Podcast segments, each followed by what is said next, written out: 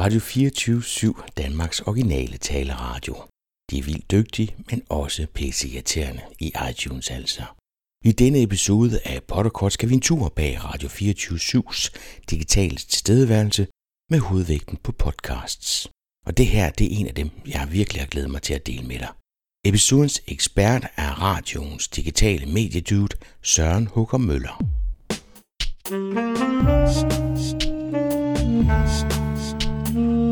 Velkommen til Potterkort, en podcast om markedsføring på internettet. Din vært er Ip Potter. Jeg har aldrig været den store radiolytter. Jeg lytter jo til podcasts. Men når jeg lytter til radioen, ja, så lytter jeg til Radio 24 /7.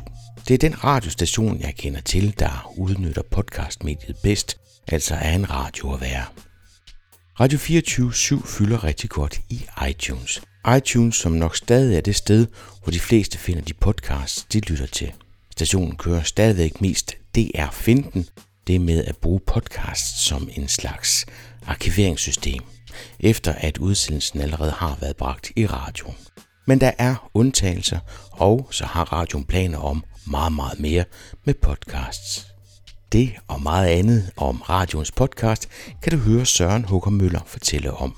Søren sidder nemlig med radioens podcast og deler flittigt ud af lyttertal, hvad det er radioen gør i dag, og hvad der ligger på tegnebrættet for fremtiden. Og selv er Søren en mega podcast-fan og ved ufattelig meget om emnet. Hvis du selv er en aktiv podcaster, så har jeg en invitation til dig. Jeg har taget initiativ til en podcast camp. En hel dag, hvor aktive podcaster mødes, sparker lidt dæk og lærer af hinanden. Jeg tror, jeg har fundet de helt rigtige rammer midt i København, og datoen, ja, den er også på plads. Det bliver lørdag den 12. november. Så hvis du er podcaster og har lyst til at møde andre podcaster, så finder du gruppen på Facebook. Jeg har kaldt den for Podcast Camp, og jeg linker også til den fra Potterkort. Det er næsten gratis at deltage, og vi skal bare lige have dækket omkostningerne til maden. Der er allerede 50, der har meldt sig til, så det kan kun gå hen og blive godt. Hvis du har brug for nogle af de links, der bliver omtalt i podcasten, så finder du dem ved at gå ind på potterkort.dk. Jeg har brug for din hjælp. Det er gratis at lytte til Potterkort, og det bliver det ved med at være. Men du kan gå ind på iTunes og så give podcasten en anmeldelse. Udover at jeg er optaget af at høre fra dig, jeg sidder jo her helt alene, så hjælper det også podcastens placering i iTunes og gode placeringer, giver flere lytter og også mig lysten til at podcaste endnu mere. Og så vil det også hjælpe mig til, at Radio 24 er knap så dominerende og pisseirriterende. Nu skal det handle om Radio 24 og hvordan de klarer sig i podcastens verden. Jamen, jeg hedder Søren Hugo Møller, og øh, jeg arbejder på Radio 24 øh, som digital udvikler, kalder vi min titel. Og det dækker egentlig over rigtig mange forskellige ting, som relaterer, relaterer sig til vores øh, forskellige digitale platforme. Jeg har øh, rigtig meget at gøre med vores podcasts, både at sørge for, at de udkommer, og øh, sørge for, at de ligesom er tilgængelige der, hvor de skal være, og så videre. Og så har jeg også øh, en del at gøre med vores sådan udvikling og tanker om digital udvikling og sådan noget. Det er vi lidt hold, der sidder med, og øh, der har jeg også øh, rigtig meget med at gøre. Så det er sådan både, både lidt daglig drift og lidt, øh, lidt løbende udvikling og så videre, sidder jeg med på, på vores forskellige digitale kanaler. Det, det er lidt bredt, men øh, vi er også et, et, et lille sted, så vi, vi får til let mange, mange hatte på, kan man sige. Hvor mange er I så? Alt i alt er vi øh, måske sådan en øh, 50-55 stykker, og så er vi i den digitale afdeling øh, fire. Øh, og så har vi selvfølgelig nogle, nogle, nogle teknikere, der også kommer ind over nogle af vores, øh, vores digitale og tekniske radiomæssige podcastområder, og de er også sådan en 3-4 stykker, men vi er, ikke, vi er ikke så mange, der sidder og, og har med den del af det at gøre. Der er klart flest af dem, der producerer indholdet, og så også der ligesom sørger for, at det, det kommer ud. Det, de, de, de, dem er vi ikke så mange af. Hvor, hvor sidder I rent geografisk? Er det København? Ja, vi sidder øh, inde på, øh, på Vesterfejmarksgade i København. Det, ja, det er jo ikke sikkert, at man lige ved, hvor det er henne, hvis man ikke er fra København, men det er ret centralt inde i København, i nærheden af, af Vesterport station. Og, og sådan. Så øh, det, det er meget centralt i København. Kan du give en introduktion af, hvad Radio 24 er? Altså, jeg tror nok, de fleste af os ved, hvad det er, men, men hvad, hvad er baggrunden? Hvornår, hvornår startede den? Hvem er målgruppen? Ja, helt sikkert.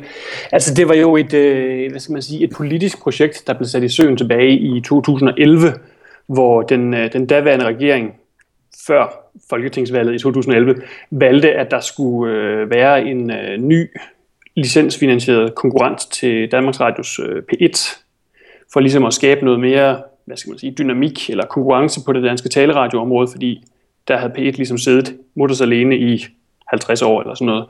Og det blev så vedtaget, at øh, der skulle laves en ny radiostation, og øh, den var, var der nogle, nogle bud på, hvem den skulle stå for, og det endte så med at være Berlingske øh, og People Group, som er sådan en sammenslutning af reklamebyråer, der, der vandt den, så man kan sige, det, det lidt finurlige ved Radio 24 det er, at ja, vi er licensfinansieret, men vi er samtidig også en privat virksomhed.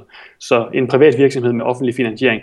Øhm, og øh, vi gik i luften 1. november 2011, og øh, har sendt 24-7 siden da. Og øh, indtil videre løber sendetilladelsen til øh, 31. oktober 2019. Øhm, og til den tid skal medieforliget så genforhandles, og så ja, afhængig af, hvad vi ligesom har formået at bevise på de år, så øh, får Radio 24 muligvis lov at fortsætte i et eller andet omfang. Øh, der er jo ikke nogen, der ved præcis, hvad der sker til den tid, men øh, det er sådan set helt kort historien. Og øh, målgruppen, siger du, altså vi kan, man kan sige, vi har hele tiden haft en, en målsætning om at være en lille bitte smule yngre end P1. Øh, fordi taleradio har haft lidt det her ry af at være noget øh, lidt tørt, langsomt, kedeligt noget, og øh, det er også noget af det, som, som Radio 24 blev sat i, liv, sat i verden for ligesom at prøve at lave lidt om på, øh, og for, for yngre tale radiomarkedet en smule. Så hvad aldersgruppe er det, Søren? Jamen, vi har, øh, vi har lytter i, øh, altså 30 plus er nok mest. Øhm, vores, alders, vores gennemsnitsalder er en lille smule lavere end, end P1, øh, og vi har, øh, hvad tror jeg det er, omkring lige knap halvdelen af vores lyttere er under 50. Øh, ja. Og jeg kan ikke huske, hvad tallet lige er for P1, men deres, de har lidt flere ældre lytter, end vi har. Hvor mange lyttere har Radio 24 Jamen, vi, øh, vi er lige ved at nærme os de 500.000 ugenlige lyttere. Øh, og det er den måde, man opgør gør radiolyttertal på. Det er sådan en ugenlig dækning.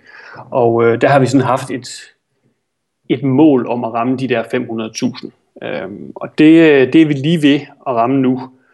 Og øh, ja, så det er, jo, det er jo ret fedt. Det er ikke P1 Hvordan måler man det så? Over. Jamen, man måler det via øh, det Gallup, øh, TNS Gallup, et stort analyseinstitut der, der har, har den opgave med at måle, måle lyttertal, og det foregår på en, øh, ja, det, det lyder måske lidt, lidt øh, sjovt, lidt spøjs, men det foregår simpelthen ved, at man har udvalgt et vist antal mennesker, som så får sådan en fysisk dims tilsendt, som så går og lytter til, hvad de nu engang lytter til. Så det vil sige, at de har et, en, en lille ting siden i deres bælte, og når de så er i nærheden af et radioapparat, der spiller en radio, så kan den høre, hvad det er for en radiostation. Det foregår ved, at alle radiostationer de har sådan en unik, øh, uhørbar kode, som bliver sendt med i lydsignalet. Okay, og jeg vil lige ved at tro, jo inden og skulle, skulle matche nogle lydfiler op for... Nej, nej, så, dog så, ikke. Så det er sådan en eller anden u- uhørlig kode, som, yeah. som kommer med ud? alle, alle radiostationer har sådan en boks siddende ude i deres øh, hemmelige øh, rum, som simpelthen enkoder signalet med sådan en, en, en unik, et unik ID, som, som mennesker ikke kan høre, men som den her boks kan opfange. Og det vil sige, de her, øh, jeg kan ikke huske præcis, hvor mange mennesker det er, men der er et vist antal mennesker, jeg tror det er knap 1000 eller sådan noget i det her lytterpanel, eller jeg tror ikke, det hedder et lytterpanel egentlig. Jeg tror, det hedder det, som, som Gallup har udvalgt, som ligesom skal være repræsentative, de dækker befolkningen fra 12 plus, fordi det er der, man ligesom måler. Øh, og så, øh, så går de rundt og det bliver så ganget op med en eller anden faktor for at give de her lyttertal. Så I har 500.000 unikke personer, som i løbet af en uge øh, lytter til Radio 24 Ja. Ved du, hvor mange af dem I deler med øh, P1? Bare sådan en, en fornemmelse, altså er det samme lytter, eller er det sådan noget med, at man vælger det ene frem for det andet? Altså man kan sige, at P1 har lidt, en lidt højere ugenlig dækning. Vi kan ikke, vi kan ikke sådan se fra Gallups tal, om det er de samme men i og med, at vores målgruppe, eller hvad kan jeg sige, vores, vores aldersfordeling er lidt lavere end P1, så er der jo en god sandsynlighed for, at de i hvert fald ikke alle sammen er de samme. Men jeg er heller ikke i tvivl om, at der er et vist overlap. Øh, men altså, vi kan ikke, jeg har ikke sådan nogen fornemmelse af, om, om, det, om de 500.000, vi har, de også lytter til P1. Men jeg vil tvivle stærkt på det, alene af den grund, at vores, vores gennemsnitsalder er noget lavere. Så der må jo være nogen i den ene ende af spektret i hvert fald, som hører os men ikke hører P1. Hvilke tidspunkter på dagen har I flest lyttere? Fordi er det ikke rigtigt, at når vi når til klokken 18, så slår P1 over på P2 og sender klassisk musik? Jo, det gør de på FM. Altså en del af Radio 24-7's, øh, hvad skal man sige, øh, fødsel var jo, at vi overtog P2's øh, FM-frekvens. Øh, og det valgte det er så at håndtere på den måde, at de lagde P2 over til at sende om aftenen og aftenen på, på FM, men både P1 og P2 sender, så vidt jeg ved, øh, der i døgndrift på, på DAB og på, på internettet. Så man kan godt høre det, hvis man vil, men radiolytning om aftenen er aldrig særlig, øh, live radiolytning om aftenen er, er aldrig noget, øh, der, der giver særlig meget. Vi har ikke så mange lyttere, ingen har særlig mange lyttere på det tidspunkt. Øh, så, så det giver ikke os et kæmpestort boost, at, at P1 for eksempel holder op med at sende der. Øh, det er ikke lige, jeg sidder ikke lige med de, med de seneste opgørelser over vores, vores lyttertal sådan fordelt på dagen. Det er ikke det, er ikke det område, jeg har allermest med at gøre. Men, øh, men det, det er, altså hvis man sådan, sådan helt lavpraktisk, så er det typisk vores drive time flader, der, der, der, der, der, der tiltrækker lytter, altså morgen og eftermiddag. Det er der folk ligesom bevæger sig rundt, og de kører i bil eller videre, så videre, så videre, og har mulighed for at høre radio. Altså man kan sige, en del af udfordringen for en taleradio, som skal sende 24 timer i døgnet, det er jo, at det ikke voldsomt mange mennesker, og slet ikke i den, hvad skal man sige, arbejdsdygtige alder, der har tid til at sidde og høre taleradio i, i døgndrift. Så meget af det, vi sender, det bliver jo sendt på tidspunkter, hvor folk de arbejder, og ikke nødvendigvis lige skal have andre folk, der sidder og taler. Jeg har jo ikke engang selv Radio 24 når jeg arbejder, fordi jeg kan ikke koncentrere mig om, at jeg skal sidde og forholde mig til en debat eller et eller andet, mens jeg sidder og laver mit arbejde.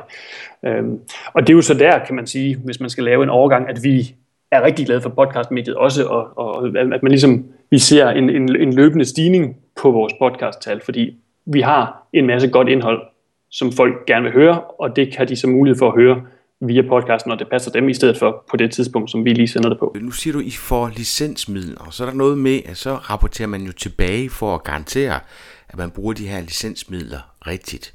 Så nu vi snakket om, om lyttetal, men grund til, at vi to snakker i dag, det er, at jeg synes jo, at Radio 24 er helt fantastisk til at komme ud på alle mulige andre kanaler. Øh, blandt andet podcast, så det er mere end bare et arkivsystem. Men, men når I skal rapportere på de her tal, Øh, rapporterer I hvert år? Ja, man kan sige, at i og med, at vi får, vi får public service midler, så er vi også forpligtet til at rapportere øh, hvert år sådan en, en, en public service redegørelse. Som, altså, vi har jo en sendetilladelse, som stiller en masse krav. Den stiller ikke nogen specifikke krav om lyttertal, så de der 500.000, det er et mål, der sådan er blevet sat fra ledelsens side uofficielt, eller hvad man skal sige. Det, det, det er ikke noget, som vi kan blive, altså sådan rent praktisk kan blive, blive bedømt på public service-mæssigt, men vi har nogle andre forpligtelser, som typisk går på, hvilken typer af indhold, der skal laves, og hvornår det skal sendes, osv. osv. Øhm, og hvor mange timer skal udsendelse man må sende, og sådan noget. Og det skal man så hvert år lave en public service-redegørelse over, og øh, i den forholder vi os selvfølgelig også til, at det går fremad på lytterne, og vi forholder os også til, at det går fremad øh, digitalt og på podcast osv. Øhm, vi har heller ikke nogen officielle krav til, at vi skal have et vist antal downloads eller sådan et eller andet på vores podcast, men vi har nogle krav til, at vi skal øh, vi skal gøre vores indhold tilgængeligt, og vi skal øh, øh være innovative på nogle forskellige fronter. Og så, så vi omtaler også vores podcast-succes i Public Service-rapporten. Øh, de ligger offentligt tilgængeligt inde på, på vores hjemmeside, hvis man skulle have lyst til at læse dem. Jeg vil ikke, jeg vil ikke råde folk til at, at, at læse det, det fra ende til anden. Det tror jeg bliver en, en meget, meget, meget tør omgang, men man kan da lave nogle nedslag i det, hvis man, hvis man har den interesse. De ligger der i hvert fald, og man kan også se vores sendetilladelse osv. Øhm. Men hvor mange tal øh, kan du forholde dig til, fordi internt forestille mig, I er meget interesseret i at vide, jamen, hvor mange eksponeringer jeg har haft på sociale medier, eventuelt også hvad for nogle kanaler, øh, hvor mange downloads har der været af, af podcasten osv. Øh, har, har du sådan et overblik over, hvor det er, I har jeres lyttere? Ja, altså jeg sidder og arbejder rigtig meget med vores, øh, vores podcast-tal og laver opgørelser over dem. Øh, så dem, dem, øh, dem sidder jeg med, og der ligger vi jo, øh, altså vi ligger lige under 3 millioner månedlige downloads, sådan på tværs af, af alt vores, vores indhold. Og det har været i stødt stigning lige fra starten. Øh, 3 det, millioner downloads om måneden? Om måneden, ja. ja. Øh, lige knap. Men øh, det rammer vi snart, er jeg ret sikker på. Så jeg tror, den er på 2,8 lige her inden, øh, inden sommer, og så er der altid et lille dyk hen over sommeren, fordi der har vi nogle programmer, der holder ferie og så videre, og der kommer nogle nye til, som lige skal op med momentum og så videre. Så der er altid lidt et sommerdyk, i, også i vores podcast, men, men det er stadigvæk rigtig pænt. Hvad type programmer får flest downloads? Altså topscoren over dem alle, det er den korte radiovis. Øh, og det, det er simpelthen bare eksploderet, især inden for det seneste år. Øh, og det, det, ja, det, det, det kan blive ved med. Altså det, vi er selv lidt overrasket over, hvor, hvor, hvor voldsomt det egentlig er, og hvordan det bare kan blive ved. Og det var også deres skyld, kan man sige, at vi havde et, et, en, de havde en stor del af skylden for det fald, vi så i podcasttal her hen over sommeren, fordi at de sendte ikke, og de sender stadigvæk ikke endnu. Øh, men, men der er simpelthen bare noget. De har ramt et eller andet, og man kan sige, underholdning er jo altid en stærk faktor inden for... Ja, for det får for... mig til at tænke på, da altså jeg har siddet og holdt helt vildt øje med, med iTunes. Det var ligesom, i begyndelsen var det den ene statistik, jeg ligesom havde, mm. øh, for at have en fornemmelse af, uh, er der nogen, der lytter til det her? Hvordan er det forhold til alle mulige andre? Og der er de sorte spejder, de lå jo simpelthen suverænt i toppen i flere år. Øh, ja. Så det, det var igen sådan noget, noget lidt øh, humoragtigt, man kunne downloade, ikke? Jo, præcis. Ja, de sorte spejder lå jo på toppen af den liste, altså i overvis efter, de var holdt op med at sende os. Det var meget, meget spøjst. Øh, men altså, de der iTunes toplister er jo lidt finurlige at forholde sig til, men der er ikke nogen tvivl om, at, at satire og humor, det virker. Øh, men ellers så har vi også, øh, altså Millionærklubben er også en af vores absolute topscorer, og det er jo altså hverken satire eller humor, det er jo, altså, det er jo faktisk ret, øh, ret tungt stof.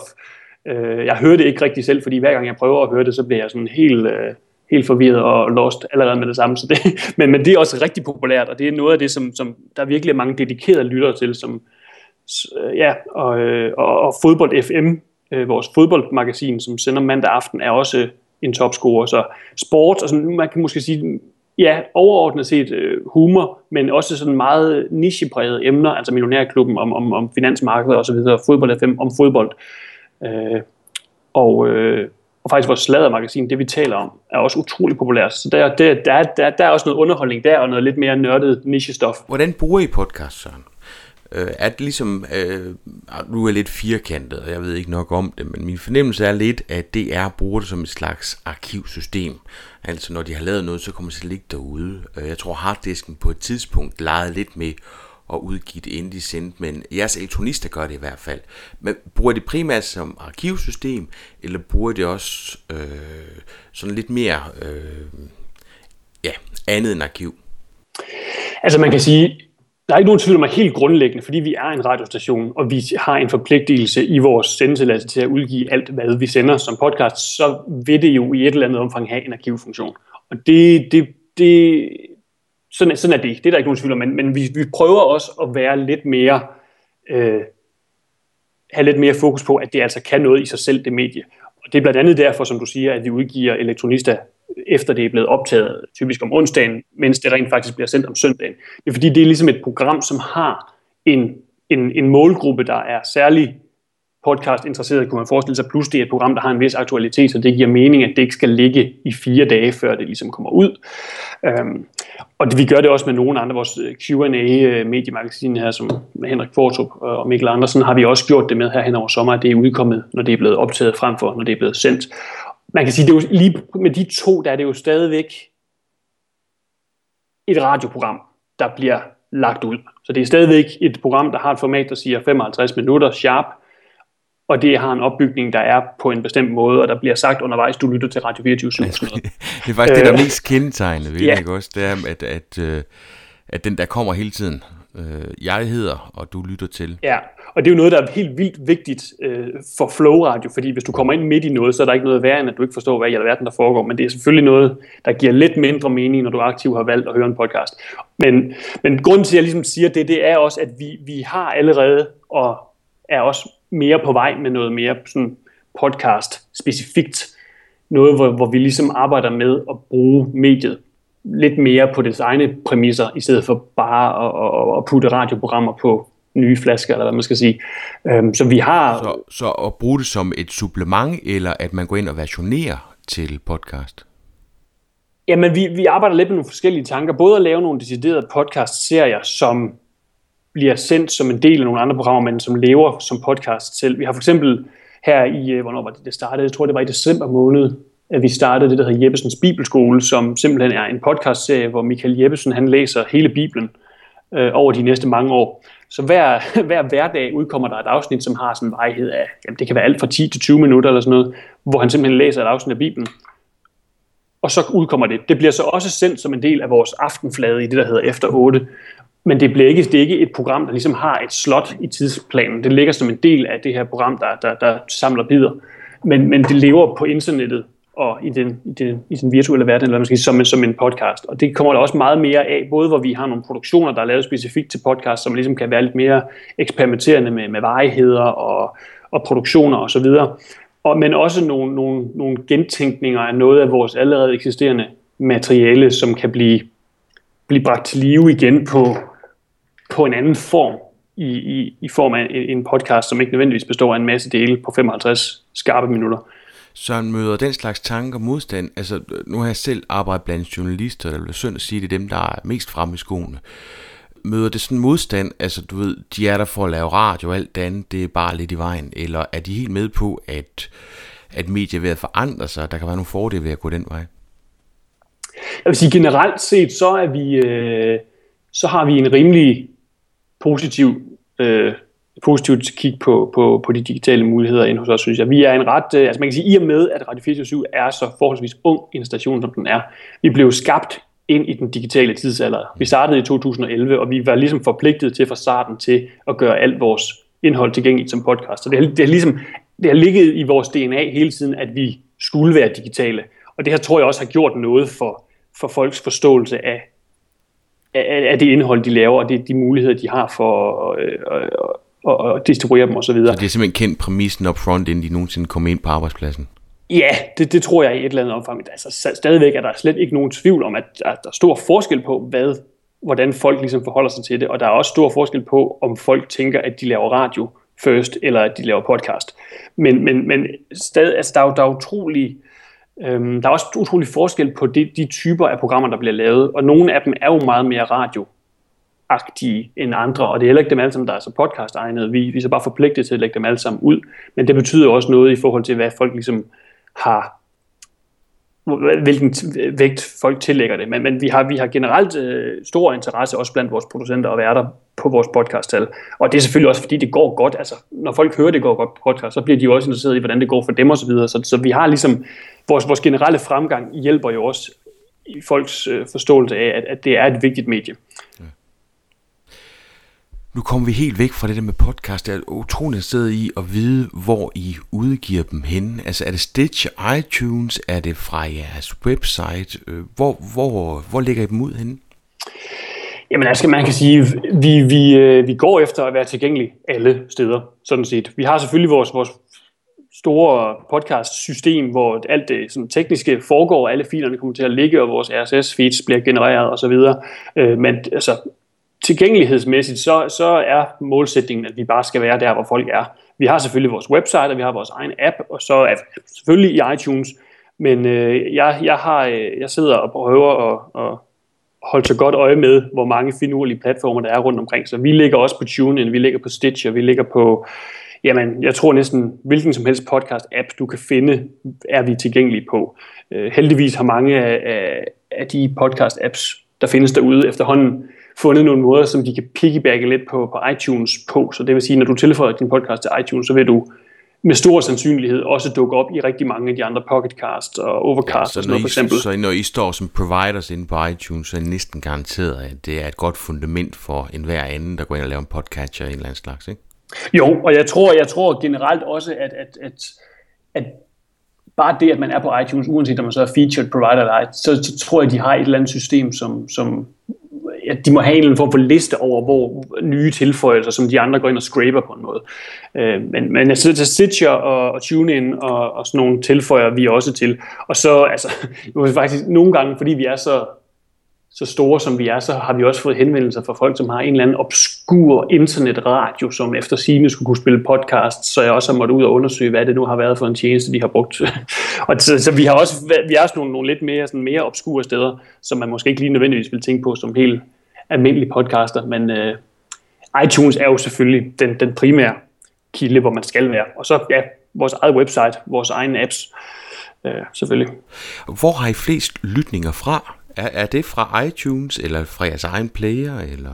Altså, man kan sige, det er en lille bitte smule svært at opgøre. Det er meget lidt svært at, øh, at, at se præcis, hvilke apps folk lytter fra osv. Men man kan sige, at iTunes, fordi vi er den øh, featured provider, som vi er, så har vi nogle, nogle særlige statistikværktøjer. Så det er faktisk den eneste platform, der giver os nogle tal specifikt. Og hvis man holder dem op mod vores samlede tal, så ligger vi på cirka en tredjedel trafik fra iTunes. Og der er ikke nogen tvivl om, at det er nok den største selvstændige kilde.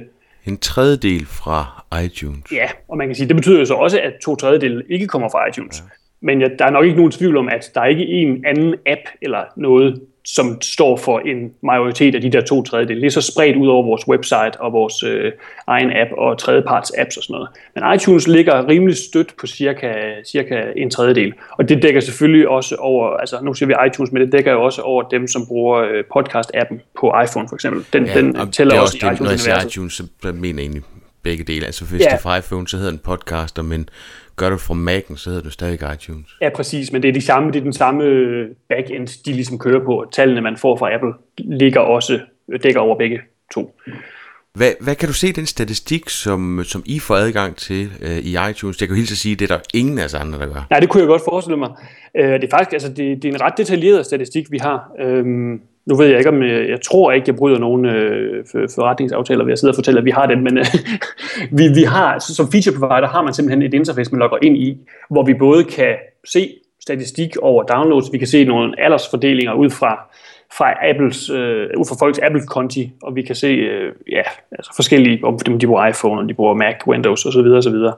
Øhm, og så kan vi også, vi har en lidt nemmere tilgang, adgang til at øh, tilføje nye podcasts, så vi skal ikke ind gennem deres website og vente i nogle dage på, at det bliver godkendt. Vi har ligesom en, en, en, en, en adgang direkte ind. Ja, en trusted provider, så de ved godt, det, det er I styr på. Ja, præcis. Uh, vi skal nok ikke begynde at lægge øh, sindssyge, mærkelige ting op, så kan det godt være, at de vil begynde at tvivle på os, men indtil videre har vi da fået lov at beholde det i hvert fald. men det, ja, det, det, undrer mig også lidt, at, at de egentlig ikke gør nogle af de der statistikker lidt mere tilgængelige for folk, fordi det er også det, jeg hører fra podcaster, at de savner en måde at få noget statistik fra Apple på, fordi det er jo den største provider. Det er der ikke nogen tvivl om. Selvom der er rigtig mange andre, der, der, der lytter via andre kanaler, så er det den største sådan, selvstændige provider, og det er ligesom der, man bliver nødt til at være tilgængelig. Det, det undrer mig også, at de ikke gør det. Hvis man går ind og kigger på øh, for eksempel LinkedIn's polls, der kom nu her, eller den har været der et stykke tid, men nu, nu er vi snart alle sammen på her i, i Danmark også. Hvis man går ind og kigger på den statistik, som de leverer, så er der sådan lidt gamification i det. Altså det, det, det for mig altså det giver meget lyst til at udgive noget på LinkedIn, som jeg ellers førhen ville have lagt på min egen blog, fordi jeg faktisk kan se, at jeg får et, øh, et andet reach, end jeg gør for min blog. Og jeg kunne forestille mig, at gjorde iTunes det samme, jamen, så, så vil det også holde mig til ilden og sørge for, at jeg opdaterer mine ting, sådan at iTunes eller podcast, der går hen og bliver et bedre redskab for dem, der lytter til podcast også. Ja, man kan sige, måske er en, en lidt af problemet øh, i virkeligheden også noget af det, som jeg synes er podcastmediets allerstørste styrke. Det er, altså, det er, jo, det er, jo, det er jo et ret det er jo et ret frit medie, som ikke er bundet op på, på Apple for eksempel. Selvom iTunes er den største provider, så er det jo ikke, vi lægger ikke vores ting ind hos Apple. Vi giver dem bare et, et RSS-feed, som strengt taget bare er et tekstdokument, hvor de så går ud og henter en fil, der ligger et andet sted. Men den er jo tilgængelig alle mulige andre steder, fordi det der feed, det er bare åbent. Så det er ikke sådan, det er ikke, det er ikke i modsætning til deres App Store, så det er jo ikke et univers, de ligesom kan lukke folk ind i og, og, og, og have unikke features. Øhm, og det, det kunne jeg måske godt forestille mig gøre et eller andet for, for Apples lyst til at investere alt for meget i det. Øh, så det, det er måske grunden til, at, at, det, at det bare lidt er et, hvad skal man sige, dumt interface, som man ikke får så meget øh, ud af som, som, som leverandør. Øh, og jeg vil sige, det er måske også grunden til, at nu bruger jeg ikke selv iPhone som, som primært, men jeg har trods alt en iPhone og har brugt den lidt, og jeg synes, Apples podcast-app er ikke det bedste, man kan få. Og den er ovenkøbet blevet meget bedre, men, men det er den ikke. Altså, og, og den måde, de siger podcast på, kan være frustrerende. Du kan have noget gammel lort, som ligger meget højt, Ja. Fordi de åbenbart har øh, både kigger på antal øh, nye, men også historikken, og historikken fylder alt for meget forhold til. Altså en podcast 8 år gammel øh, inden for teknologi er jo direkte uinteressant. Ja, præcis. Så, så hvis jeg skulle give sådan et, et, et, et fif til, til podcastlytteren derude, så ville jeg sige, at man skulle prøve at finde sig en anden podcast-app, hvis man bruger Apples. undersøge markedet. Der findes utrolig mange gode, altså rigtig mange af dem koster ganske vist lidt kroner, så det er måske lidt bøvlet at skulle prøve dem alle sammen, men øh, altså, der, der findes rigtig mange øh, rigtig, rigtig gode podcast-apps derude, som, som fungerer mere elegant og, og mere smooth end Apples egen. Øh, og, altså, og samtidig kan man sige, at der er jo ikke nogen tvivl om, at, at, at det faktum, at Apple de har lavet podcast-appen og skilt den ud fra, fra, fra iTunes-appen, har, er jo også noget af det, der har været med til ligesom at få hele podcast-mediet til at eksplodere, som det har gjort. At det ligesom pludselig var der noget på folks telefoner, der var hed podcast, som de så ligesom fik øjnene op for. Så, så vi skal også være glade for, at de har lavet den, selvom det så måske ikke er den bedste oplevelse i hele verden. Ja, jamen helt sikkert. Søren, hvorfor går I så hen og laver jeres egen podcast-app? Er det bare jeres direktør, som har lavet den klassisk med, at han skulle også bare have en app eller noget? Nej, nej, det er det absolut ikke. Det er det, det, der ligger større overvejelser bag. Altså, det er jo for, det er fordi, at vi, vi, i og med, at vi er sådan, så etableret et brand, eller hvad man skal sige, så er der jo en, en stor værdi i, at folk kan finde Radio 24 /7. Så vi er jo også interesseret i, at dem, der ikke nødvendigvis ved, hvad en podcast er, dem, der ikke nødvendigvis har en iPhone, hvor der er en podcast-app på, super tilgængelig. Hvis de går ind i deres App Store eller Google Play og skriver Radio 24 så vil vi jo også ligge der. Og så vil vi jo også have vores eget indhold tilgængeligt. Og så, så kan man sige, når vi har en platform, som vi styrer helt selv, så har vi jo også væsentligt større muligheder for ligesom at, at lave nogle tilpasninger, som, som kan få folk til at blive hængende i vores indhold. Og det er også noget af det, vi arbejder rigtig meget på, både vores website og vores vores app og få, få gjort vores katalog af kæmpe, altså vores gigantiske bagkatalog, gjort det mere tilgængeligt og inspirerende for folk, fordi når man har sendt 24 timer siden 2011, så er der enorme mængder af indhold, som kan være utrolig svære at navigere i. Øh, så, så, så, så det giver os ligesom nogle andre muligheder end, end iTunes og podcast-appsene gør. Også fordi man kan sige, at iTunes og andre podcast-apps, de er utrolig gode til, at du følger med i noget løbende, og du får det nye, men de er ikke særlig gode arkivplatforme.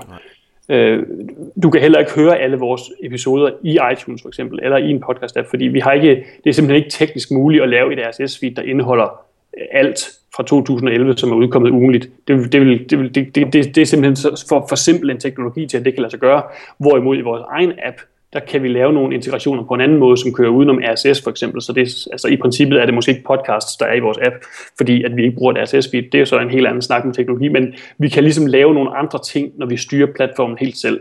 Øh. Til gengæld så har I vel også ramt jeres placering. Jeg snakker meget iTunes, Søren, jeg er ked af det. det. Det er jo ligesom den, jeg bruger, fordi jeg hele tiden har brugt det. Det, det gør vi altid, det giver super mening. Ligesom for at have en fornemmelse af, hvordan, hvordan tingene er. Og jeg gør det også for at holde øje med specielt, altså der skal ikke være nogen hemmelighed. Jeg synes, at Radio 24 er pisse irriterende. altså fordi, der, der var jo en gang, hvor det bare var vores amatører, der kunne få lov til at være derinde, og så øh, de få programmer P1, øh, så lykkes med øh, som, som podcast. Og efter Radio 24 er kommet, der, der er der jo kamp til stregen på, på alle placeringer. Og, og, ja. og et eller andet sted, så det jo, det jo super fedt, ikke? Jo, altså, det synes jeg jo også er fedt. Men jeg, jeg forstår dig til fulde. Altså, nu, øh, ja, ja, vi nyder da også, at, at vi ligger på, på, øh, så højt på, på, på listerne. Jeg kan se, at vi har anden, fjerde og sjette pladsen lige nu. Jo, det. Så ligger af monopol selvfølgelig nummer et, som de altid. ja, det er lidt, det, altså den, den overtog de sorte spiders plads, synes jeg. Den er der altid også. Ja, præcis. Men, men I har vel ramt jeres egen, skal vi kalde det, lyttertal i iTunes ved at lave en podcast-app? Kan du følge mig? Altså, hvis, hvis nu jeg begynder at bruge den i stedet for, at jeg øh, lytter til elektronister igennem iTunes, jamen, så vil hendes øh, lytninger gå ned, og dermed så vil hendes placering også gå ned, ikke?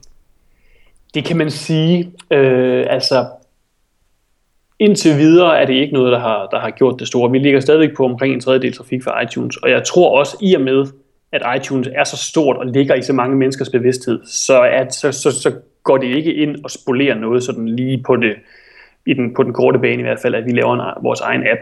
Og jeg tror heller ikke, at, at det egentlig kommer til på lang sigt at gøre det, fordi iTunes er så stort, som det er, og det, det, det, det, går ikke væk lige med det samme. Altså, så, så skal der ske noget helt ekstraordinært. Øhm, og man kan sige, hvis, på den anden side at det jo også for os mindre vigtigt, om vi er, hvis vi får alle vores lyttere over i vores egen app, og de så lytter der og er glade for det, så er vi jo egentlig også glade, for så har vi stadigvæk lyttere. Der er selvfølgelig en værdi i, at vi er på iTunes, og de folk kan finde os frem der, der er noget, noget, noget opdagelse. Men, men det er jo ikke, vi er jo ikke... Ja, så stort et brand, så det er ikke iTunes, der gør mig for øje på jer. Nej, det er ikke, nej, ikke iTunes alene i hvert fald. Der er ikke nogen tvivl om, at det har også en stor værdi, men vi, vi, vi lever ligesom også på, på, vores, øh, på vores navn, og vi lever så, så mange andre steder, at, at folk skal nok finde os, tror jeg. Hvad gør I i forhold til at øh, drive trafik til jeres podcast? Er det noget, I gør i, øh, og, og hvis ja, hvordan? Jamen altså, vi, vi gør jo... Øh, vi, vi, driver, vi arbejder med at drive, drive trafik, selvfølgelig, til vores, øh, til vores indhold. Øh, og vi har også en hel øh, social media redaktion, var ved at sige. Det er så en, nogle af de, de fire folk, vi er på den digitale afdeling, fokuserer specifikt på det. Jeg sidder mere med nogle af de andre digitale ting, men, men vi arbejder jo rigtig meget med at få vores indhold ud.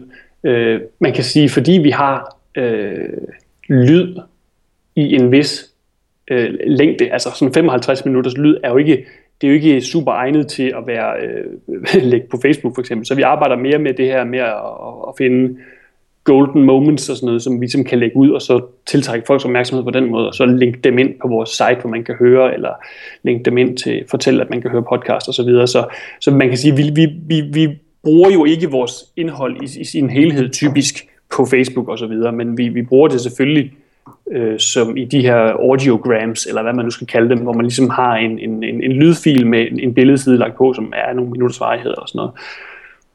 Og det gør I skide godt, skal jeg sige. Jamen altså, tak. I er gode til at bruge billedsiden også, ikke? Fordi ellers så tror jeg ikke lige, at jeg vil få hørt den snas der, men, men I formår at gøre et eller andet på billedet, så er jeg nødt til at høre snasen også.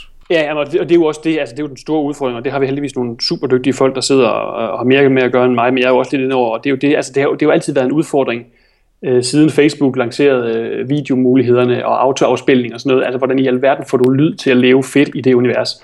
Og det, det er jo både noget med, at man skal ind og sørge for, at der er nogle appetitvækkende billeder, men det skal også være noget med at lave undertekster osv., så, videre, så du ligesom får en fornemmelse af, at der er noget indhold, du går glip af, hvis ikke du aktiverer lyden osv. Øh, altså vi aktiverer, eksperimenterer jo også mere og mere med at lave levende billeder osv., så, videre, så vi rent faktisk har noget videoindhold, øh, selvom vi jo er en radiostation. Og der skiller vi jo så også lidt ud fra DR for eksempel, som jo er et, et kæmpe mediehus, der har en masse tv-stationer, som de også kan, kan flette sammen med på deres radio indhold, øh, der, der er vi jo lidt mere, der er det lidt mere noget ekstra indhold, vi arbejder med at få lavet. Os, der arbejder med øh, sociale medier og virksomheder, har jo måttet sande, at hvis det skal lykkes, så skal man, øh, man skal stadig være, være kløgtig intelligent i forhold til at lave nogle gode opdateringer, men der skal også postes nogle penge i røven af sådan en opdatering for, at den virker. Som licensfinansieret øh, radiostation, er det så sådan, øh, jeg ved, det er i hvert fald opfattet sådan, at man ikke kan poste penge i røven af en opdatering? Altså, skal I udelukkende lave noget, som lykkes organisk? Nej, det skal vi ikke. Øh, igen, det er ikke lige øh, det, jeg sidder allermest med, men jeg ved da i hvert fald, at vi, vi har nogle faste budgetter for, hvor meget vi, øh, og, og hvor, hvor meget vi bruger på, på Facebook osv., og, og vi booster fast vores opslag osv. Det er der ikke nogen, det har vi ingen skrubler med, så at sige. Det, øh, ja, det gør vi.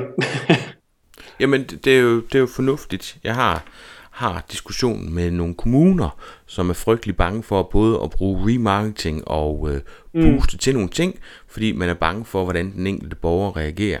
Øhm, og jeg står og river mig hårdt, fordi øh, den enkelte borger, altså det er jo mine penge, der bliver brugt, og hvis de kan nøjes med at bruge en 100 del, fordi de kan ramme lige præcis målgruppen på Facebook, så er det noget pjat, de ikke må bruge penge på det. Men Jamen, det, der, det der er sådan en berøringsangst omkring det, kan man. Ja.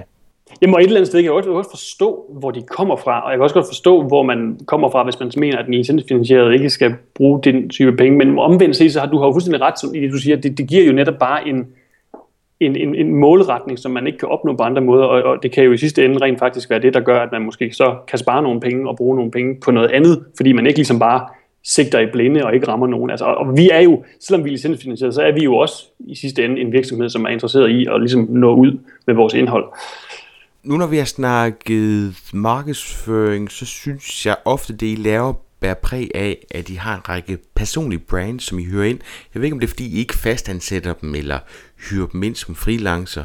Øhm, men, men er, der nogle, er der nogle krav til, hvordan de forskellige radioværter promoverer deres egne programmer, eller er det bare noget, de gør, fordi de synes, det er en naturlig del af deres arbejde?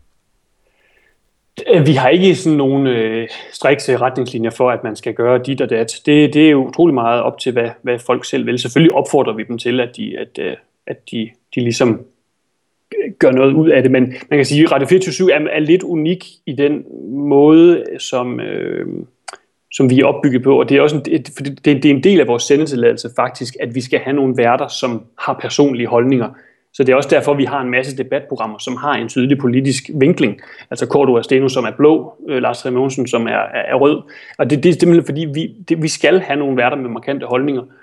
Og det gør selvfølgelig også, tror jeg, at de, at de lever sig jo måske mere ind i det, fordi de ligesom er sig selv, og det giver dem måske også mere lyst til at promovere sig selv, fordi det er dem selv, eller hvad man skal hvis du forstår. Altså, der er ligesom, der er ligesom en, en mere større... Øh, der er en større, øh, et større tilhørsforhold måske, fordi de i højere grad får lov til at være sig selv, og de får lov til at... også få lov til det, altså når det netop er det, de bliver ansat på, så er de jo heller ikke bange for at, at have en holdning. Nej, præcis. Altså, og det, den, man oplever ved journalister, det er, at de vil så gerne være neutrale.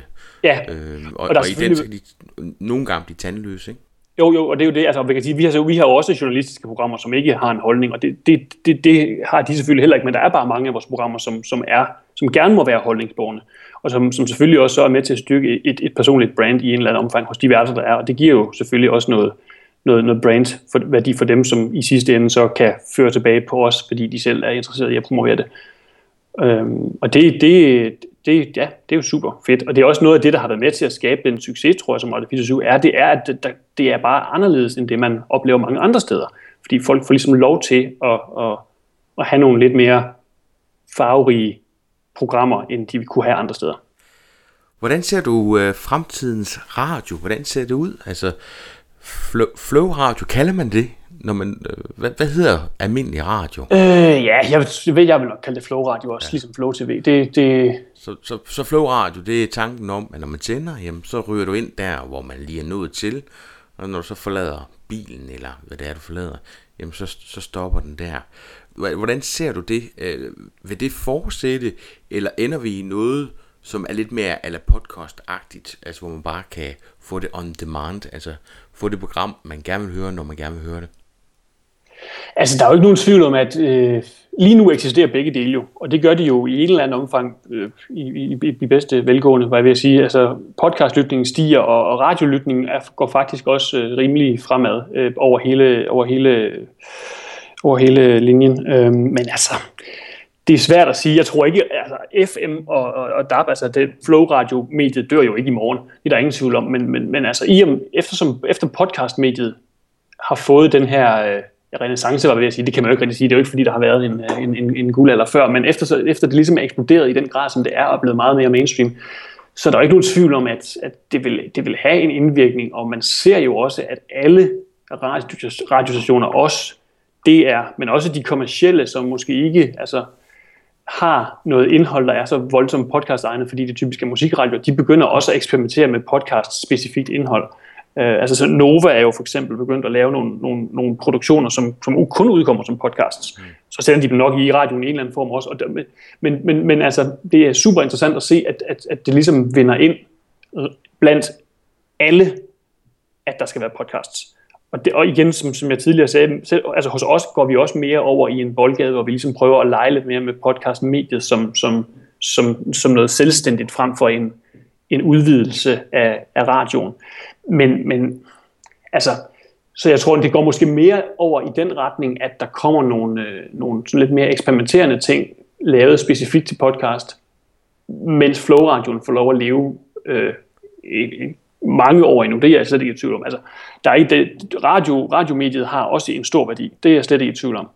Øh, og jeg tror, de to supplerer også hinanden rigtig godt. Selvfølgelig, hvis alle begynder at lytte til podcast, så har de jo ikke tid til at høre radio nogensinde, men jeg, jeg, jeg tror og fornemmer, at der, der vil blive ved med at være en balancegang i, i en anselig stykke tid endnu. Søren, hvor ser du gerne, at I bliver dygtigere i den nærmeste fremtid?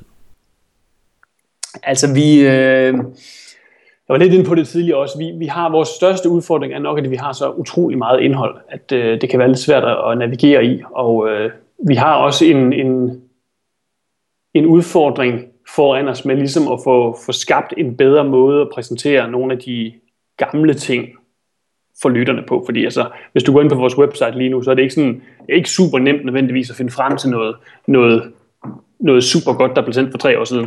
Um, men så, så, så det, det er noget af det, vi sådan ligesom går og, og eksperimenterer lidt med at få, få forbedret her for tiden og i over den næste, det næste stykke tid. Det er ligesom både vores app og vores website får gjort det lidt mere få gjort det lidt mere indbydende at, at, at dykke ind i vores univers, fordi det er et kæmpe sort univers, som kan være utrolig svært bare at blive lukket ud i på, på egen hånd, hvis ikke man ligesom har en, og, en der kan føre en frem. Så, så der synes jeg klart, at vi har, øh, vi har noget at arbejde med, og det er også noget, vi arbejder med. Øhm, og ellers så, øh, så, så, så synes jeg, at øh, vi, har, vi har nogle rigtig spændende ting på vej, vil jeg sige. Øh, nogle af de podcast-ting, vi kommer med, det bliver super fedt. Øh, det kan jeg godt glæde jer til. nogle mere sådan, ja, altså podcast-specifikke ting. Jeg ved, der er jo nogle folk, der har været lidt, øh, har saleret lidt over det der med, at man udgiver radioprogrammer som podcast, og sagt, at det var, det var, det var dårligt og sådan. Det synes jeg ikke nødvendigvis. Jeg synes sagtens, det kan fungere som en god podcast, selvom det er noget, der er produceret til radio. Og ved du hvad, jeg var lige ved at, at, at starte hele den her podcast med at bede dig om at definere podcast, men jeg er bare så træt af den snak efterhånden. Ja, fordi jamen helt sikkert. Det, det er jo, altså, det er også det, så, hvis man ikke podcaster hver uge, så er man ved at podfade, og jeg ved ikke hvad, altså, det, det, det er godt kan lide ved mediet, det er, at der er ikke rigtig nogen regler, og dem, der er travlt med at lære regler, det, det synes jeg egentlig er lidt træls. Jamen, lige præcis, og det er også, altså, jeg synes, vi laver rigtig mange gode podcasts, som er baseret på radio, men der er også der er ikke nogen tvivl om, at vi kunne lave noget rigtig fedt, og kommer også til det snart med noget, som er produceret specifikt til øh, podcastmediet. Og det der med, ja, podfade, altså Serial sæson 1 for eksempel, er jo noget af det mest populære nogensinde, og den, den havde en afgrænset vejhed. Det var otte afsnit, den er jo ikke fadet nogen steder hen. Den, den, den er, den, den, det er bare en fed fortælling i sig selv på en begrænset periode. Og det, dem, det, det, det synes jeg også, og det, det, det har også en super, super styrke, at man ligesom kan lave de her afgrænsede serier. Det er også det, som Third Ear for eksempel laver helt vildt på. Altså de laver jo også nogle sæsoner, hvor de afgrænser deres historie, og så bare de bestemt af et afsnit.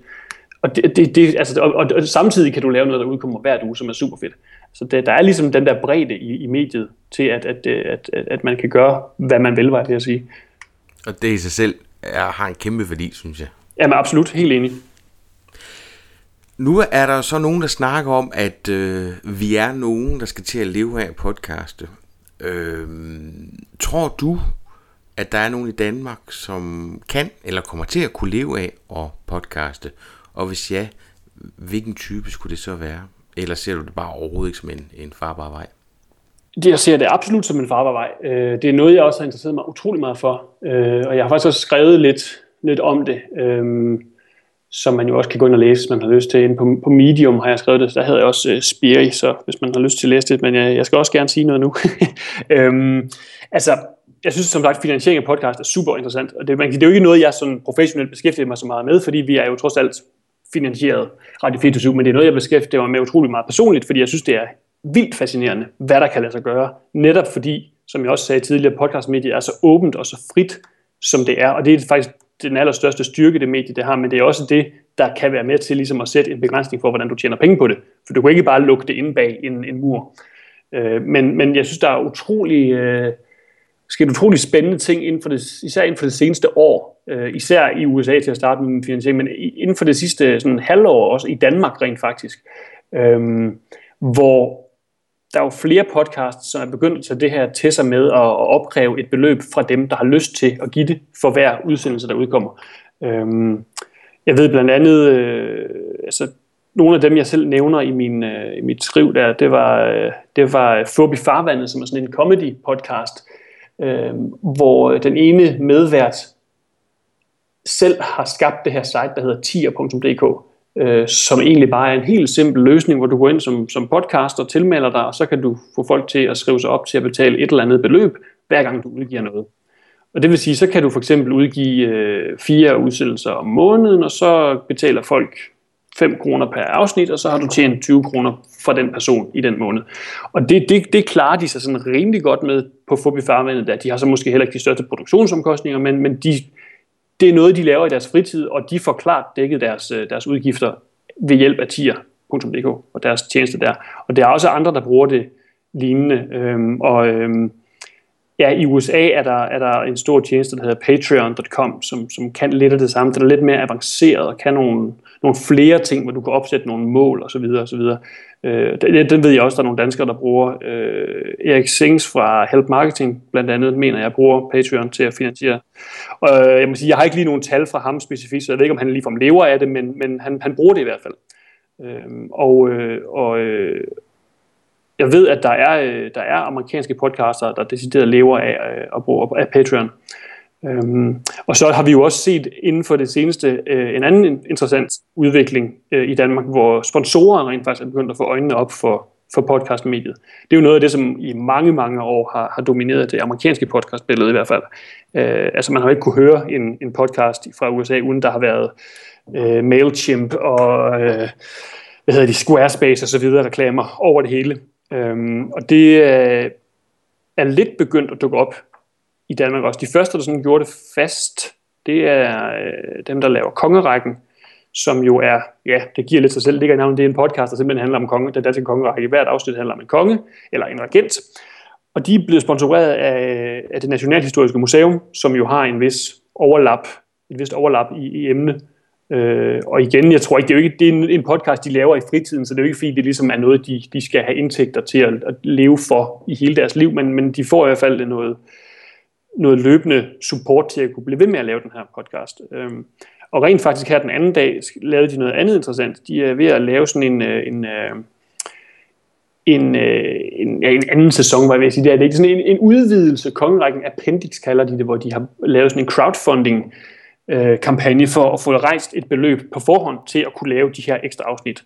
Og det går også øh, ganske fint for dem. Jeg mener, de er oppe på 25% funding nu, eller sådan et eller andet, og der er vist øh, eller en måned tilbage eller sådan noget. Så, så der, der sker nogle ting inden for, for, for finansiering, men altså, der, det er stadigvæk et område, der ikke er voldsomt stort i Danmark, og det er også et område, hvor der er utrolig stort potentiale endnu. Men altså sponsorerne begynder at vågne lidt op og interessere sig for det, og øh, der, er nogle, der er nogle måder, hvor man kan udnytte på, at folk rent faktisk er villige til at betale for noget. Og det, det, det, jeg, jeg er overbevist om, at folk gerne vil betale. Det kender jeg fra mig selv, og det kan man også se på nogle af de andre eksempler der, at, at hvis folk får lov til at betale for ting, så, så, så vil de gerne, især når de ved, at det de får, det er noget kvalitet. Øh, og hvis ikke man ligesom tvinger folk til at købe et abonnement på et eller andet, så er det også nemmere at ligesom få dem til, tror jeg, at give lidt, når man så har bevist over for dem, at, at det man laver er fedt. Men... Det, er, det, det bliver spændende at, at, at følge. Jeg har meget svært ved at forestille mig det, fordi jeg synes også, at podcast er nichernes holdplads. Og ja. nicher, jamen så er der ikke så mange i målgruppen, og så tænker jeg umiddelbart, at det er svært at... Så får du ikke den volumen, der gør, at du øh, kan tage en masse mikropåløb ind. Øh, men når det er så sagt, så kan jeg også godt se, at når det er en niche, hvis du ikke kan hente de informationer andre steder, så burde det også være en målgruppe, som vil betale for det. Jamen det er nemlig det, det tror jeg, det er måske også styrken i, at for eksempel øh, en podcast som, ja, som, som Kongerækken, at de kan få en sponsor, det er jo, at deres område er så specifikt, mm. at de kan få en sponsor, der, der lige præcis har interesse i den målgruppe, fordi deres målgruppe er så begrænset, så de ved mere, hvem de er. Hvorimod, hvis du laver en eller anden podcast, der handler om, om om lidt af hvert, eller ja, comedy eller sådan noget, så er det måske sværere at finde noget, der er så nogen, der, der, der, der kan se en værdi i at sponsorere det for eksempel. Men, men ja, det er, altid, det er altid en balancegang, og vi er nok altid i Danmark begrænset af, at vi er så få mennesker, som vi er trods alt. Det er jo svæ- nemmere at få en masse folk til at betale frivilligt for en amerikansk sproget podcast, fordi der er hele verden ligesom din markedsplads. Du ved utrolig meget omkring podcast. Det er rigtig fedt. Jeg håber altså, at du kommer til podcast camp i, i København, at du har mulighed for at komme derover. Jeg tror, der ja, er andre, som vil kunne, øh, kunne lære rigtig meget af dig. Det håber jeg virkelig også, jeg kan. Umiddelbart så kan jeg godt. Øh, så det, jeg har i hvert fald skrevet det i min kalender, så det, øh, det synes jeg lyder rigtig spændende. Ja, det vil, det vil være helt kanon. Jeg håber, vi bliver, vi bliver mange. Jeg vil sige, jeg har fundet ud af, at der er langt flere podcasts, end jeg regnede med. Altså, det, det er sådan nogle sjove nogen, som er dukket op, som jeg har jo i, i min navitet siddet og, og kørt iTunes igennem for at ligesom finde nogle af dem, som jeg ikke kendte, øh, og, og kan så se herefter, at, at jeg startede, at der, der er godt nok mange podcasts, som sådan øh, pipler frem, så det er rigtig godt. Ja, det er her, virkelig eksploderet inden for det seneste, de seneste, ja, det seneste halve år her i 2016, der virkelig sket rigtig meget ja, også på den danske podcast scene. Ja. Her til sidst, Søren, øh, så godt tænke mig at få tre hurtigt for dig. Hvordan lytter du selv til podcasts? Det gør jeg i øh, Pocketcasts øh, på min Android-telefon hvor jeg lytter til alle de halvanden gange hastighed, fordi jeg simpelthen har så mange abonnementer, at jeg ikke har tid til at lytte til dem alle sammen. så, så det, øh, det, det kan godt være, at det lyder lidt mærkeligt, men det fungerer faktisk meget godt. Halvanden gang, det er lige præcis øh, ikke, det er langsomt nok til, at det ikke bliver sådan pitchet, så det er egentlig bare folk, der taler hurtigt, ja. hvilket så nok også smitter lidt af på mig selv nogle gange. Jeg håber ikke, jeg har talt alt for hurtigt her i dag. men, øh, Hvordan finder du nye podcast at lytte til?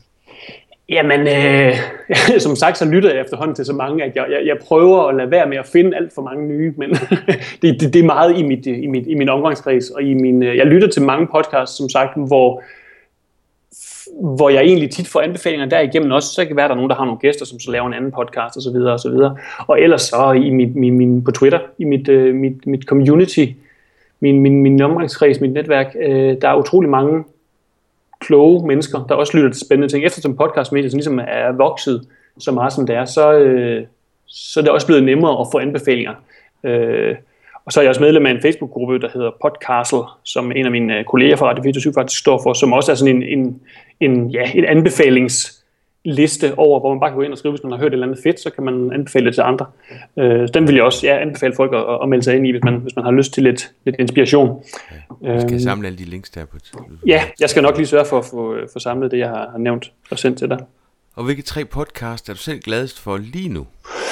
Ja, det er også et stort spørgsmål. Jeg må faktisk tilstå, at jeg havde lidt svært ved at skulle udvælge tre, fordi øh, jeg lytter som sagt til rigtig mange, og jeg synes, at rigtig mange af dem er rigtig gode. Men øh, jeg, jeg har prøvet at finde tre. Og så har jeg også lige her for nylig faktisk skrevet et, øh, et lidt længere indlæg ind på Medium om, øh, om min, min yndlingspodcast, hvor jeg har listet nogle flere, så det kan man også gå ind og læse, hvis man vil have nogle flere af mine anbefalinger. Men øh, de tre, som jeg har udvalgt, det er, øh, det er nogle lidt, lidt forskellige, fordi jeg tænkte, hvis det kun skal være tre, så skal det alligevel være så bredt, at øh, man får lidt, øh, lidt for pengene, eller hvad man skal sige, selvom det er gratis det hele.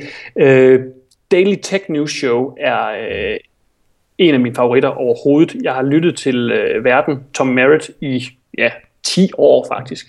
Øh, det var den første podcast, jeg begyndte at lytte til, han lavede, der hed Bust Out Loud dengang. Øh, som navnet siger, Daily Tech News Show, det er et show, der behandler teknologinyheder hver dag.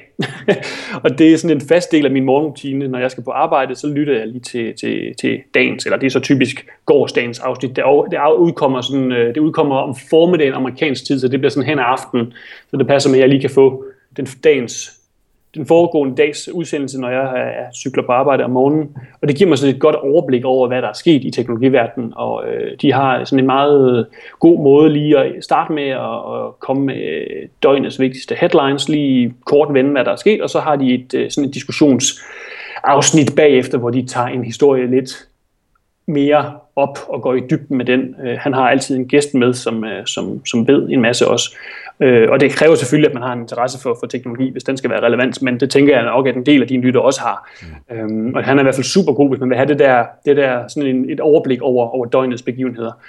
Øhm, min anden, det er en, øh, en helt anden genre, som sagt, No Such Thing as a Fish hedder den, og det er en... Øh, Jamen det er sådan lidt en sjov, en sjov blanding af, af, af komik og, øh, og, og viden, fakta. Det, det, det er dem, der laver den øh, BBC-quiz, der hedder QI, som øh, Stephen Fry var vært for i en årrække. De, øh, dem, der sidder og laver det, det produktionsselskab, de har en masse researcher, og øh, de sidder så, når ikke de lige researcher og laver en podcast, hvor de øh, taler om skøre fakta. Altså det, de, det er simpelthen sådan 4-5 værter, de, hver uge så har de så et, et faktum med, som de præsenterer for de andre, og det er typisk noget, der sådan er helt, helt mærkeligt og helt skørt, og så øh, sidder de ellers bare og taler det, selvom det i cirka en halv time, har det hylemorsomt.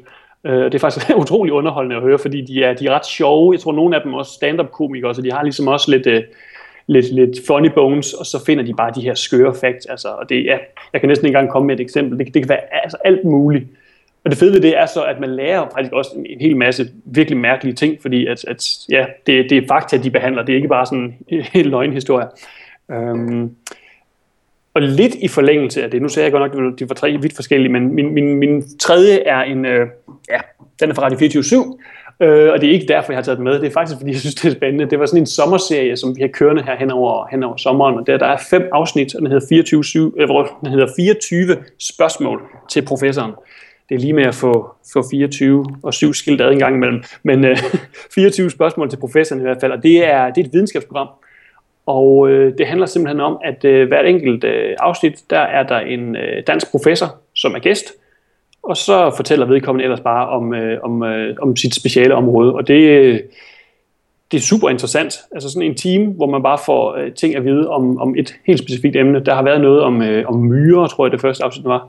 Det, det havde jeg aldrig troet, jeg skulle lære så meget om. Og så har der været noget om at bruge, øh, bruge LSD til at bekæmpe angst og sådan noget. Det er meget, meget brede forskellige emner, men super interessant faktisk. Øh, hvis man har sådan en, en, ja, en generel interesse i, ja, hvad skal man sige, i, i, i interessante emner, i, i ting, man måske ikke lige gik og troede, man havde behov for at vide. Øhm, så det skal nok, hvis jeg sådan skal udvælge tre, så skulle det nok være dem, øh, for at få lidt bredde i det. Dem, øh, dem linker vi også til. Og som sagt, jeg har også en længere liste, du også kan linke til, hvis folk har lyst til at få nogle flere af mine anbefalinger. Ja, men det, øh, det kan jeg kun forestille mig, folk synes kunne være interessant. Hvis du skulle foreslå en ny gæst til Potterkort, hvem skulle det så være, Søren, og hvorfor? Uh, ja, ja. Det er et godt spørgsmål. Øhm, altså jeg kunne jo fornemme, at du uh, godt kunne tænke dig nogle flere sådan podcast-relaterede gæster. Øh, og øh, jeg nævnte jo kongerækken tidligere. Jeg synes faktisk, de to, Anders Olling og, og Hans Erik, som, som laver det, de er faktisk rigtig interessante mennesker, også fordi de har, de har været formået at være ret gode til at eksperimentere lidt med den her finansiering af podcasts.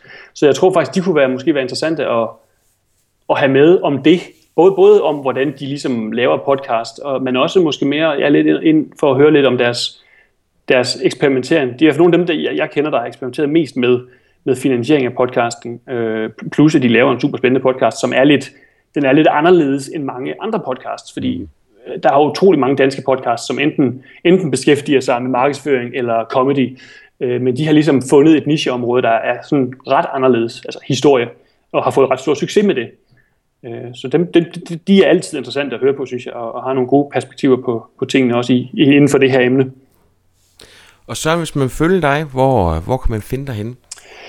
Jamen, Twitter er nok mest oplagt. Øh, det er der, jeg, jeg færdes mest, kan man sige. Der hedder jeg Spiri, og øh, S-P-I-R-I, og øh, det hedder jeg sådan set de fleste steder, så ja, på Medium, som jeg har omtalt på gang, der skriver jeg også lidt en gang imellem, og det skal være længere end 140 tegn. Øh, og ja, jeg tror, tror, Twitter, det er det bedste sted. Der, der siger jeg også lidt om, hvor jeg er andre steder en gang imellem, så, så det, er nok, øh, det er nok det nemmeste. Cool. Ved du hvad, Søren? Det har simpelthen været en fornøjelse. Jeg synes, det har været pisse spændende. Ja, jamen fedt, og i lige måde, det har været super fedt at være med.